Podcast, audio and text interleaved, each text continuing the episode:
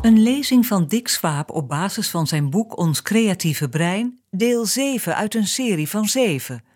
Uitgegeven door uitgeverij Atlas Contact.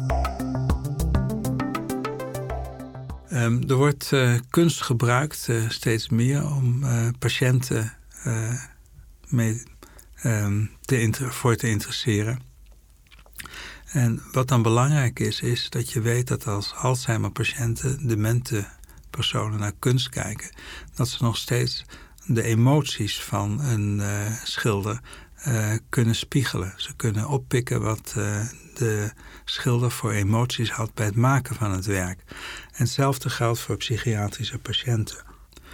In een kliniek in de Verenigde Staten zijn experimenten gedaan met ophangen van kunst, verschillende vormen van kunst. En er is geregistreerd wat de patiënten vroegen, spontaan vroegen aan extra medicatie. En het bleek dat als er een korenveld met een dreigende lucht van uh, Van Gogh werd uh, opgehangen, uh, dat is een schilderij wat duidelijk een, een, stemming weergeeft. dat de patiënten spontaan om angstwerende middelen gingen vragen. Ze gebruikten meer tabletten. En hetzelfde geldt voor een schilderij van Jackson Pollock.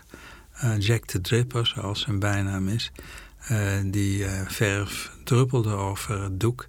Um, en Um, dat schilderij leidde ook tot meer vragen om kalmerende middelen. Um, terwijl als er een foto werd opgehangen van de savanne met wat dieren en uh, wat bosjes en een blauwe lucht, wat bergen op de achtergrond, dan kalmeerde dat. Dan vroegen mensen spontaan om minder geneesmiddelen. En er zijn mensen die zeggen dat kan geen toeval zijn. Dat is ook de plaats waar we grootgebracht zijn waar we miljoenen jaren onze evolutie hebben doorgemaakt en wat op de een of andere manier uh, in ons DNA is vastgelegd, zodat dat als een plezierige omgeving uh, naar voren komt. Als je mensen vraagt om een ideaal landschap te tekenen, dan komt ook de meerderheid met een soort van savanne boven. Um, ik wilde concluderen met het, het feit dat de natuur geen vergissingen maakt, maar wel een enorme variatie. Dus door de manier waarop we tot ontwikkeling komen, onder invloed van onze genetische informatie, de zelforganisatie, de programmering die in de vroege ontwikkeling plaatsvindt van de hersenen, uh, zijn alle hersenen anders. Ook als je dezelfde genetische achtergrond hebt. Um, en die variatie is uh, zo groot omdat dat de motor was van de evolutie. Evolutie heeft daarvan steeds gebruik gemaakt uh, door als de omstandigheden veranderden, altijd weer exemplaren te hebben die in die veranderde omstandigheden goed konden leven en zich voortplanten. En die variatie is in stand gehouden. Uh, de evolutie is denk ik gestopt, zowel voor ons brein als voor ons hele lichaam. En in die variatie vind je extreme terug in de psychiatrie. Maar het zijn extreme. En als je iets van de psychiatrie weet, dan zie je eigenschappen eh, die als symptomen in de psychiatrie gelden bij de meeste mensen eh, voorkomen. De ene heeft wat meer van het een en de ander van het ander. Um, dat we allemaal anders worden, dat is geen vrije keuze. Uh, we worden allemaal anders door eh, de manier waarop die hersenen zich ontwikkelen. Maar als we eenmaal zo geworden zijn, dan kun je op een plezierige manier leven uh, door een beroep te vinden, uh, door een omgeving te vinden, door uh, een partner te vinden die, zich, die, die past bij de manier waarop je brein tot stand is gekomen. En mijn samenvatting daarvan is juist omdat we geen vrije wil hebben, onze vrije wil slechts een plezierige illusie is, dat we de vrijheid nodig hebben om te leven zoals we aangepast kunnen leven aan de manier waarop ons brein tot ontwikkeling is gekomen. Dat is geen nieuw idee. Als je kijkt naar het standbeeld van Spinoza in Amsterdam, dan staat er op de sokkel staat het doel van de, eh, van de staat is de vrijheid. Het doel van de staat is de vrijheid. Uh, dat is niet precies wat hij heeft gezegd. Hij heeft gezegd, de taak van de staat is het garanderen van de vrijheid. Dus zijn idee was ook, iedereen is anders. Je moet kunnen leven zoals je wil dat je uh, leeft. En de staat moet die vrijheid garanderen. Er zit natuurlijk een grens in.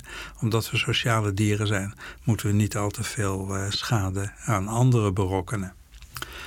Um, het boek uh, onze, onze, creatieve brein en ook het vorige boek We zijn ons brein heb ik geschreven om een aantal redenen. En een van de belangrijkste is Ehm, dat ik wil dat mensen onder de indruk komen van de complexiteit en van de bijzondere eigenschappen van ons brein als machine. En dat men begrijpt dat de hersenontwikkeling zo complex is dat het wonderlijk is dat het zo nu en dan vrij behoorlijk gaat. En helemaal niet merkwaardig is dat het in een behoorlijk percentage van de gevallen tegenzit. En dat kan overal gebeuren. Dat kan in ieder gezin gebeuren. Er kunnen psychiatrische problemen ontstaan uh, doordat de hersenontwikkeling zich niet uh, optimaal heeft uh, voltooid. En het is belangrijk om dat te beseffen, om het taboe rond de hersenziektes en het stigma wat het drukt op de familieleden en de patiënt, om dat te laten verdwijnen. Het is in Nederland de goede kant op aan het gaan, maar het is zeker niet verdwenen, het taboe. En dat blijkt uit een boek wat Iris Sommers bijvoorbeeld heeft geschreven. Zij is een hoogleraar in Utrecht. En zij heeft een boek geschreven over een aantal neurologische en een aantal psychiatrische patiënten. En die neurologische patiënten wilden allemaal met hun eigen naam erin. De psychiatrische patiënten wilden allemaal onder pseudoniem erin. En dat geeft aan dat uh, uh, er nog steeds een taboe heerst. Ze hadden het niet besproken met hun familieleden, met hun partner, met hun uh, baas. En het is ook onverstandig tijdens een sollicitatiegesprek om te vertellen dat je een depressie hebt gehad. Dus er is inderdaad nog steeds een goede reden om dat taboe te handhaven. Ehm, maar het taboe is gevaarlijk. En in China, waar ik ook werk, daar blijkt dat. Als je kijkt naar de uh, volgens naar de statistieken, de formele statistieken, dan is China een heel gezond land. Het heeft maar een derde van de depressies die wij in het Westen hebben. Maar uh, dat uh, komt niet omdat het uh, zo gezond is daar. Het komt gewoon om het laatste wat mensen zullen doen die depressieve problemen hebben, naar een psychiater gaan. Want dat geeft zo'n stigma op de hele familie. Dat dat iets is wat men zeker niet zal doen. En daardoor is het aantal zelfmoorden in China ook driemaal zo hoog als in het Westen. Dus het taboe wat leidt tot onderbehandeling is gevaarlijk en we moeten proberen om daar een eind aan te maken. Um, ja, samenvattend, uh, we hebben sinds uh, de eerste obducties in Amsterdam gebeurde. In 1652 is een schilderij van Rembrandt geschreven, uh, geschilderd de anatomische les van dokter Dijman. Die weergaf een dief, een Belgische dief, die um, opgehangen is op de Dam en vervolgens publiek ontleed is voor een aantal dagen. Um, sinds uh, die uh, publieke obducties hebben we ongelooflijk veel geleerd over de hersenen. En de laatste decennia is die kennis over hersenfuncties is enorm toegenomen. En dat heeft consequenties over de manier waarop we, voor de manier waarop we over onszelf denken. Uh, als we het hebben over geest of ziel of vrije wil. Hersenen in rust bijvoorbeeld. Zijn, er is een algemeen idee dat we maar 10% van onze hersenen gebruiken. Bij sommige mensen krijg ik dat idee wel eens. Maar als je kijkt naar hersenen in rust, dat wil zeggen geen taak, dan hebben ze dezelfde uh, uh, activiteit als hersenen uh, die een, aan een taak worden blootgesteld. Het zijn alleen kleine verschuivingen in hersenactiviteit over de verschillende gebieden heen die daarmee samengaan. dus de hersenen zijn in feite nooit in rust. En door onze toegenomen kennis kunnen we ook meer hersenziektes voorkomen. We beginnen ook beter te worden in het behandelen van hersenziektes. Het heeft ook consequenties voor justitie. hoe we denken over delinquent gedrag. Wat voortkomt uit hersenontwikkelingsstoornissen.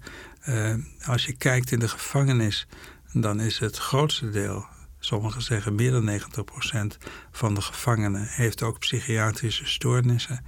Um, ze worden wel gestraft, maar meestal niet behandeld. En het heeft ook de manier waarop we denken over, de, over ons leven zijnde en hoe we daar op in kunnen grijpen.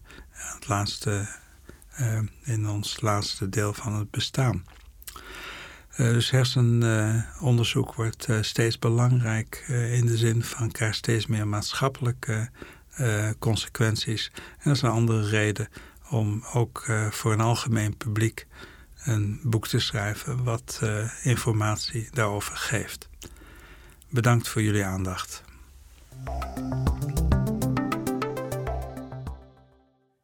Heeft geluisterd naar een lezing van Dick Swaap op basis van zijn boek Ons creatieve brein. Wilt u op de hoogte worden gehouden van lezingen of ander nieuws rondom Dick Swaap? Stuur een mail naar info@atlascontact.nl onder vermelding van Dick Swaap.